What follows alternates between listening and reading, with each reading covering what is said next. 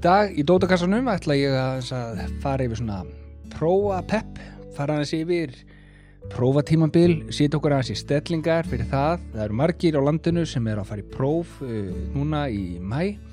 Það er mikið í gangi, mikil kraftur, oft smá pressa og stress og ágætt að fara aðeins yfir nokkur svona atrið sem geta hjálpa okkur að tækla verkefnið. Um, prófatímabil geta virkað svolítið yfirþyrmandi stundum. Það eru mörg próf á stuttum tíma, það er mikið efni, mikið húfi, næg eða fell ég og svo framvegs, það eru alls konar hugsanir sem fær í gang og það er auðvelt að verða svolítið lítið, lítið eða lítið í sér þegar tímabil, svona tímabil gangu yfir. Próf eru oft erfið, það er margt sem við þurfum að muna og það eru flóknu hluti sem við kannski erum ekki alveg að skilja en það hjálpar okkur samt ekkert rosalega mikið að vorkenna okkur of mikið. Við þurfum að draga inn andan, stilla fókusinn, skipilöki okkur, forgangsraða, ná í bækurnar, lesa þar, ráðast á þetta verkefni og vinna okkur í gegnum það. Það getur verið stressand að fara í próf en ef við erum í skóla þá er þetta hluta verkefninu.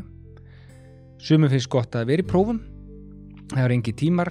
Það er gefst tæki fyrir að ná að sökva sér í efnið, ná að skilja það betur og ná að klára áfanga sem mikill tími er búin að fara í í vetur og horfa síðan inn í næstu önu og næstu verkefni þar og eftir. En til hvers erum við að fara í próf? Hver er, hvert er markmiðið með þessu? Er ekki hægt að sleppa prófum? Þetta er svona stóru umræða en það er gott að muna að prófur ekki gerð til þess að mæla þig sem mannesku eða ákvæða hvernig framtíðin þín verður? Prófur hugsu til að meta hvort þú hafi lesið og skilið efni sem var kent hvort þú hafi valda á því og getur komið því frá þér? Ef þú hefur lesið og skilið efni vel þá gengur þér öllum líkindum vel. Ef þú hefur ekki lesið efnið þá gengur þér ekki eins vel. Við náum ekki alltaf að standa okkur 100% það er engin að byggja um það. Það er ekkert okkar fullkomið við, ef við leggjum okkur fram og, og, og setjum kraftin í hlutina þá hérna gengur okkur samt oft ágætlega. Í prófum reynir á úthaldið okkar, einbytning og vinnusemi og metnað og í dag þá ætla ég að fara hans yfir nokkra punta sem gott er að hafa í huga þegar við tökumst á við próf og prófa undirbúning. Gjör svo vel.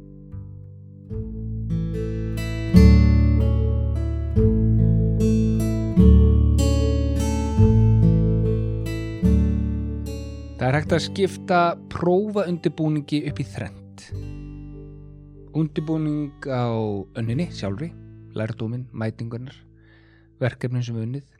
Undirbúningin fyrir prófið, svona þegar við erum að læra fyrir loka prófun og nálgunin sem við tökum stá, sem við, nálgunin okkar í prófunu sjálfa, sjálfu.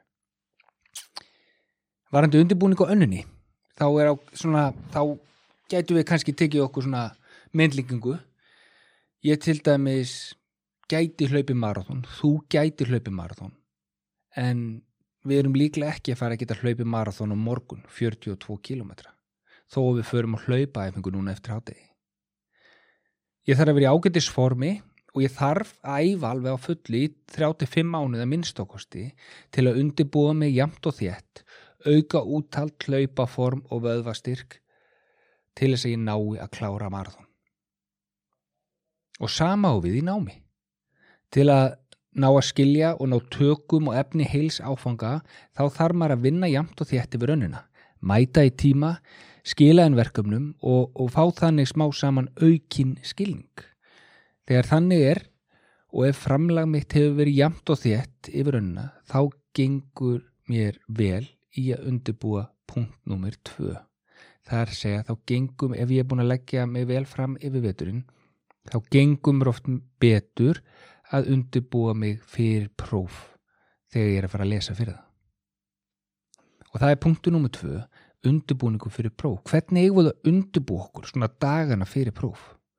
Hvað, hvað rámar að byrja? Ok, það eru mörgadri sem við getum gert til að standa vel að prófa undirbúningi. Uh, og ég tók svona saman smálista og stuttilistin gæti verið eitthvað einn svona til dæmis. Ég mælu með því að þú finnir til dagatal, dagbók, Google Calendar eða eitthvað sambærlegt og byrja bara á að skrifa niður nákvæmlega hvenar þú átt að fara í próf. Hvenar er ennsku prófið, hvenar er íslensku prófið, hvenar er líffræði prófið og svo framvegs. Klukkan hvað. Og þá færðu svona yfirleitt yfir hvað er langt á milli prófa, hvað þú hefur marga daga til að undirbúa fyrir hvaða próf og í hvað röð þú byrjar, hvenar er fyrsti prófadagur og hvenar ertu búinn. Þá færðu svona ákveðin svona perspektíf, svona, svona smá yfirsin yfir það. Þegar þú ert búin átt á því hvað þú hefur marga daga til að undirbúa þig fyrir hvert próf þá getur verið ágætt að skipta deginum aðeins upp læra kannski ennsku fyrir háti lesa sögu eftir háti eða stutt á milli prófa eða ákveða þennan dag ætla ég að á, ég ætla bara alveg á lögadagin ætla ég bara að læra starffræði á sunnudagin ætla ég að byrja að læra líffræði og svona deilu sér einhvern veginn upp þannig að þú sért ekki að vasast í öllum áfangunum á sama tíma hólfa skiptis aðeins. Þú þarfst að taka til alla bækur í öllum fögum, allar glósur, allar kennsluáallanir og leslista fyrir próf ef kennarar hafa gefið út svona leiðbynningar þetta eru aðalatrið fyrir próf. Það er gott að læra, ef maður er að læra fyrir próf þá er nefnilega mikilvægt að átta sig alveg á því hvaða efni er til prófs, hvaða kaplar, hvaða blaðsjur. Oft sleppa kennarar einhverjum ákveðnum blaðsjum, ákveðnum köplum í kennslubókinni og eru búin að leggja upp með nefndum hver aðalatrin eru. Hvað eru mikilvægstu kaplanir? Hver eru mikilvægstu formúlunar og svo framvegs? Oft eru vísbendingar á þetta í glósum eða í leiðbynningunum sem kennar, hafa komið frá kennarunum í síðustu tímunum í glærunum hans eða hennar. Þannig að þá getur þið oft reynda að lesa kennarum svolítið reyna e, með, og svona hafa í huga og hugsa hans hvað hann hefur verið að segja Eh, hvað hefur komið frá kennarinn því oft, og kennarar eru svo sem að geta spila neitt póker með þetta þeir gefa oft upp hva, og segja frá því hvað er mikilvægt og hvað er mikilvægast og hvað, hvað má lesa, þarf að lesa vel og skilja vel og hvað má lesa lauslega í glærun eins og ég segi, það eru oft aðladrin það sem kennarinn hefur sett á glærur það eru oft aðrið sem kennari hefur lagt mest áslá og þess vegna er líklegt að slík aðrið komi á prófunu Uh, ef kennari hefur lagt miklu áherslu að kenna ákveðna formúlu mjög vel í smáadröðum í tímanum farið yfir ákveðin málfræðatriði uh, vel yfir eða ákveðin tímabili sögu Íslands þá má segja að sé frekar líklegt að kennarinn finnst þetta mikilvægt er að segja ykkur lengt og ljóst að þetta sé mikilvægt efni að þeim vildi kenna ykkur þetta vel og ef það hefur verið farið vel yfir hlutina í tímum og í áfangunum þá er máiðilega bara svona áætla það að það sé líklegt að vera spurt um það og prófi. Kennarinn hugsaður, heyrðu, ég er búin að kenna þetta vel, þau ætti að vera búin að læra þetta vel, þannig að það bara sangjant að spurja út í þetta. Þannig þurftu þið að fara yfir gögnin ykkar, yfir efnið ykkar og svona kortleika svolítið hvað, eh, hvernig kennarinn hefur lagt upp. Það er gott að búið til góða glósus, skrifa nöðu líkilhugtök líkil hugtök, skrifa niður helstu kenningar og formúlur, teiknit upp, hafa þetta aðgengilegt á einum stað í einhverju glósubók eða á einhverjum spjöldum til að geta rifið þetta upp reglulega fyrir prófið í smá sköndum, svona aðeins að fletti gegnum aðaladriðin. Ekki lesa bara daginn fyrir próf. Það er eins og ætla að hlaupa marathón uh, með stuttum fyrir að var. Uh, skóli, e, í, skóla og í námi er oft mikið efni sem þarf aðeins tíma til þess að koma sem við þurfum svolítið tíma til þess að ná að tilengur gefur tíma til að rifja upp fara yfir og endur taka hlutina og fara aftur yfir þá og þannig stimplast hlutinni betur inn í hausun á okkur og þannig hluti er auðveldar að rifja upp. Ef við erum búin að fara yfir það oft rifja þau oft upp þá við auðveldar að með að rifja þau upp. Minnið virkar þannig. Endutekning, endutekning, endutekning þannig festir maður aftur betur og betur inn í minnið. Stundun nota nefndur svo kallu flashcards eða, eða spjöld þar sem þið skrifa spurningu eða hugtak framann á spjald og stutt svar aftan á og þannig getið til og meins hort framann á spjaldið og reynda að rifja upp svarið kíkt á bakliðan og komast að því hvort það hefur rétt og með því er þægilegt að kortleggja helstu hugtök í áfangunum og fara hratt yfir og æfa sig í minnistækni og rifja upp líkiladrið. Nú, þegar við erum í prófatímabili þá eru, erum við ekki með stundatöflu og engin mætingarskylda en það getur verið gott að skipta deginum upp ætla sér ákveðna marga klukkutíma í kvild ákveðna klukkutíma í nám koma einn smá hreyfingu og ekki gleyma því að sofa. Með því að búið til svona plan þar sem við erum svolítið búin að ákveða með sjálfum okkur hvað við ætlum að gera og hvenar við ætlum að ráðast efnið og þá ná margir að komast yfir meira efni en annars og ná betra árangri. Gott skipulag skýra mann oft betri árangri. Vakna á ákveðnum tíma koma sér í gang hafa svona eitthvað ramma sem það hefur hérna, hugsað sér yfir daginn. Við getum við, just, þegar við erum að læra þá þurfum við nefnilega að gefa okkur tíma til að læra. Við þurfum að búa til ploss og þá þurfum við nefnilega ofta að sleppa ykkur öðru og prófa tímabili eru oft svolítið þannig lífið okkar verður svolítið einfaldara. Við þurfum aðeins að sleppa því hitta vinn okkar. Við getum þurft að vinna minna að mæta á missan okkur um æfingum og vera meira heima og bara vera svolítið með hausin og í bókunum. Félagslífið fyrir oft í pásu í prófum því aðtekli allra þarf að vera á fullu í náminu. Og það er svo gott að vita að þetta er bara stuttur tími, tíu dagar, tvær vikur umlega kannski og það næ, verður nægur tími til að sinna vinum og öðru skemmtilegu þegar prófin eru búin. Þannig að við erum ekkert að vorkina okkur á mikið, við erum ekkert að forna rosalega miklu.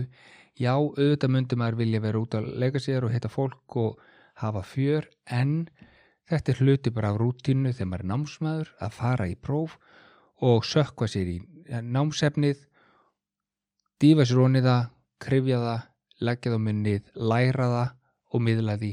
Og svo fara bara að njóta sumasins með bara einn skemmtilegum hættum að getur. Nú, þriðji parturinn sem ég ætla að fara í dag er þetta sem heitir hvað gerum við þegar við erum í prófunu sjálfu? Að því að það að mæti próf er stundum svolítið stressandi. Uh, það er auðvitað mælt með því að þegar við erum að fara í próf koma út kvild í próf ekki vaka allan óttina fyrir próf ekki taka all nighter þannig að, þannig að við séum bara veist, þá virka minnið okkur ekki eins vel þá náum við ekki að rifja eins mikið upp þá erum við viðkvæmari og þannig að það er gott að setja punkt eitthvað tíman kvöldi fyrir próf ég kemst ekki lengra með þetta. Vakna vel fyrir próf uh, vera búin að fá sér að borða eða fara í sturtu og vera búin að koma sér í gang. Mæta ekki alveg nývaknaður á síðustu stundu í prófið. Það getur verið gott til þess að draga úr prófstressi að mæta tímalega. Þú veist, í róli heitunum býða bara fyrir utan skólan lappa í tringi kringu skólan eða eitthvað svoleiðis og muni eftir að hafa tekið allt með sér þetta eru svona basic hlutir sem að stressa mann upp eða maður gleymir þeim blíjanda, yttara, strókluður, penna, reglustriku, vasareikni, vasareikni stundum og auðvitað skilringi með mynd og svo framvegs. Þetta þarf alltaf að vera í einhverju pennaveski sem við þauðum með okkur þegar við fyrir próf. Og þetta, þetta gleymir stundum og það stressar fólku upp. Þegar við setjum okkur í stellingar, við erum sest inn í stofuna, við erum með prófið fyrir framann okkur og klukkan er byrjuð að ganga og það er fullt af fólki, allir að einbytta sér allir í stellingum. Þá getur þú gott að draga bara djúft andan sitja tásunar í gólfið eða lappið þeir skiljiði hérna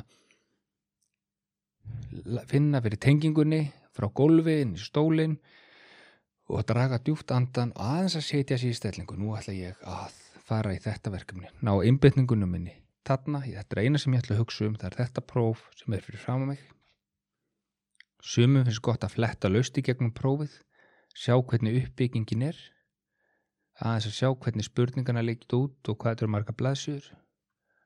Öðrum finnst best bara að taka eina spurningu inn, bara byrja á blaðsju eitt og byrja bara á henni og vinna sér þannig smá saman gegnum prófið. Ég mælu bara að þú finnir þína leið sem hendar þér best.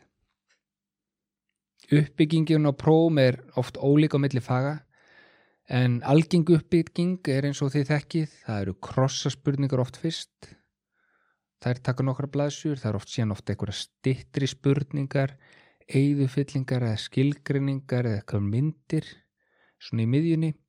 Og svo eru mörg próf þannig að það eru stærri spurningar aftast, rítgerða spurningar eða, eða, eða svona stæstu verkefnin.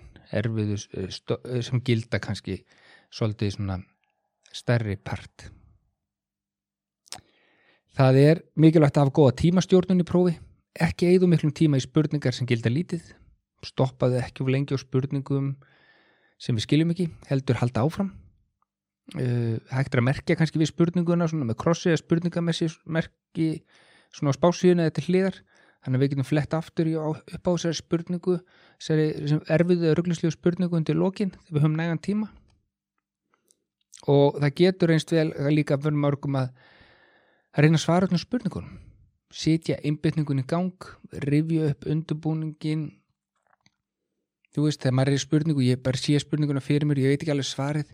Uh, og byrju, er ég er, er svona heimskur, byrju, kann ég þetta ekki? Byrju, reyna, heyrðu, ég er búin að lesa bókina ég er búin að fara yfir þetta byrju, hvað er verið að spurjum, rifja upp undurbúningin okkar, fara í hugunum yfir glærurnar og kennsluna og reyna að rifja upp hverju getur þetta tengst, hvaða kenningu, hvaða atrið, hvaða hugtæki og ná þannig kannski í efnið sem er þannig inn í hugunum okkar.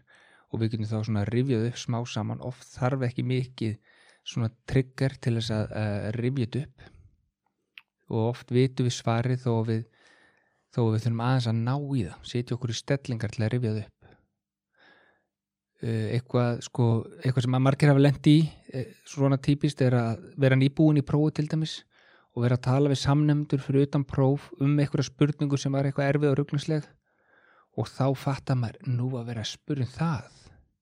Og þá, þú veist, er þekkingin þarna, maður bara náði ekki alveg í hana í prófunu þó að þetta sé bara nokkru mínútum eftir að prófu lauk þá, þá hafði maður kannski gert eitthvað smá klaufafullu en bara með smá samtali við, við nefnendur fyrir utan prófið þá fattar maður já, auðvitað var það þetta en ekki þetta sem að vera að spurjum þannig að sitjum einbyttingurinn í gang tölum við okkur sjálf þegar við erum í prófunu tölum við okkur sjálf um spurningarnar uh, tölum við okkur um uppbyggjulegum hætti leitum að vísbyrningum í minninu og það opnast oft leið í áttasvari sem hjálpar okkur að skilja hvað er átt við og hvað við eigum að svara.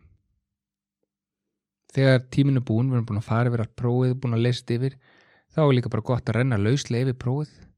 Er ég búin að svara öllum spurningunum? Er ég búin að svara megin, báðum megin og öllum blöðum?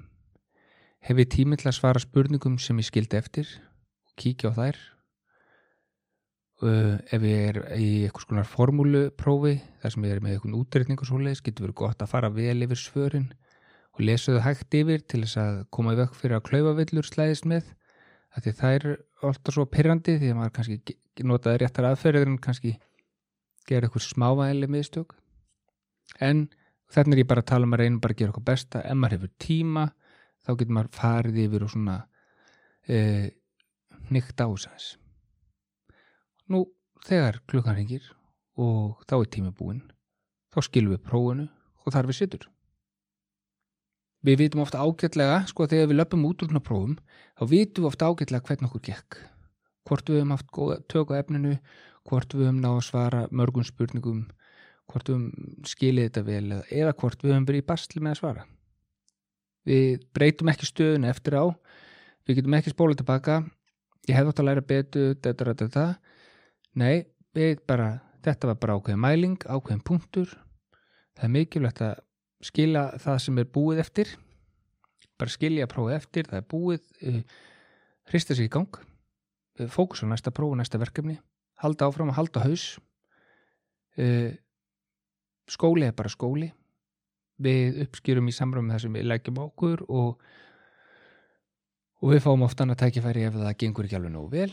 Þannig að höfum ekki stóra ágjur því. Eitt próf í einu, einn framist í einu og stundum gengum manni betur en áhorðist Nú undir lokin kannski bara ákveðin svona pepp hérna, þú veist, þegar við erum í prófum og prófatíumbilum og stöndum fram fyrir ákveðnum verkefnum þá stöndum við líka fram fyrir ákveðinu nýðustuðu, sumt gengur vel, sumt gengur ekki eins vel. Við þurfum samt að leggja okkur fram, gefa okkur tíma forgangsraða keira á þetta. Það verður nægt tími í sumar til að gera alls konar skemmtilegt en núna er þetta aðalatrið Setjið ykkur markmið, hafið metnað, leggjið ykkur fram. Ekki vorkin ykkur mikið þó að þetta sé svolítið stressandi og erfitt. Stress og kvíði í prófum er oft merkjum og okkur langar að ganga vel. Við erum bara kannski ekki alveg vissum um eftir að ná því að standa okkur vel. Og við slíku ástandi eða slíkur óvissu er bara eitt svar. Reyndu að standa þig vel. Reyndu að leggja þig fram og gefðu þér séns. Þeir sem er í námi vilja flestir ná prófum, vilja standa sig vel og vilja halda áfram. Oftast gengur það vel en stundum ekki og það er ekkert stórkostlega hættulegt og eitthvað gangi ekki upp. Eins og ég segi, skóli er bara skóli. Fullt af frábæra fólki hefur mistið í sín námi, ekki náðu undirbúið sér nógu vel eða skila, skilið efni næginlega vel. Stundum eru góður ástæður fyrir því. Stundum er fólk með námserfileika, lesblindu, aðteglisbrest eða klími við kvíða og stundum hefur undirbúningurinn ekki verið nógu góður. Stundum eru við í vittlusunámi eða höfum verið að gera aðra mikilvæga hluti sem hafa tröfla aðteglun okkar. Það er alls konar fólk í námi sem er að gera alls konar hluti þannig að ástæðurnar hjá nefndum eru auðvitað misjafnar. Við getum gert okkar besta með það sem við höfum og síðan tökum við bara niðurstöðun eins og hann er og tökum stöðun aftur á næstu önn. Ætlum við að gera hlutina eins og við gerðum á þessari önn, ætlum við að endur taka það á næstu önn, virkaði planuð okkur vel eða virkaði illa, ætlum við að gera breytingar og breyta áhersluðunum okkar að gera hlutun öðruvísi. Það eru spurningar sem við þurfum að svara á næstu önn og það nægu tími til að pæli því þá og því við það verkefnaðins fram, fram á haustið. Núna er mikilvægt að fókusa á það sem fyrir framann okkur. Við þurfum að ákvæða að gefa okkur tíma, skipulegja okkur og leggja okkur fram í þá daga sem eru framundan og gera okkar besta.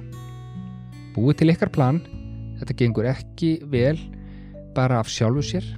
Þið þurfum að leggja okkur fram og ég veit þið muni finna leið til að finna orkuna og niðurstaðan verður í samræmi við það. Ég hef trúið að þetta eftir að ganga vel og ykkur eftir að vegna vel hafa það gott, takk fyrir að hlusta og ég ósku ykkur allsins besta. Takk, takk, bless.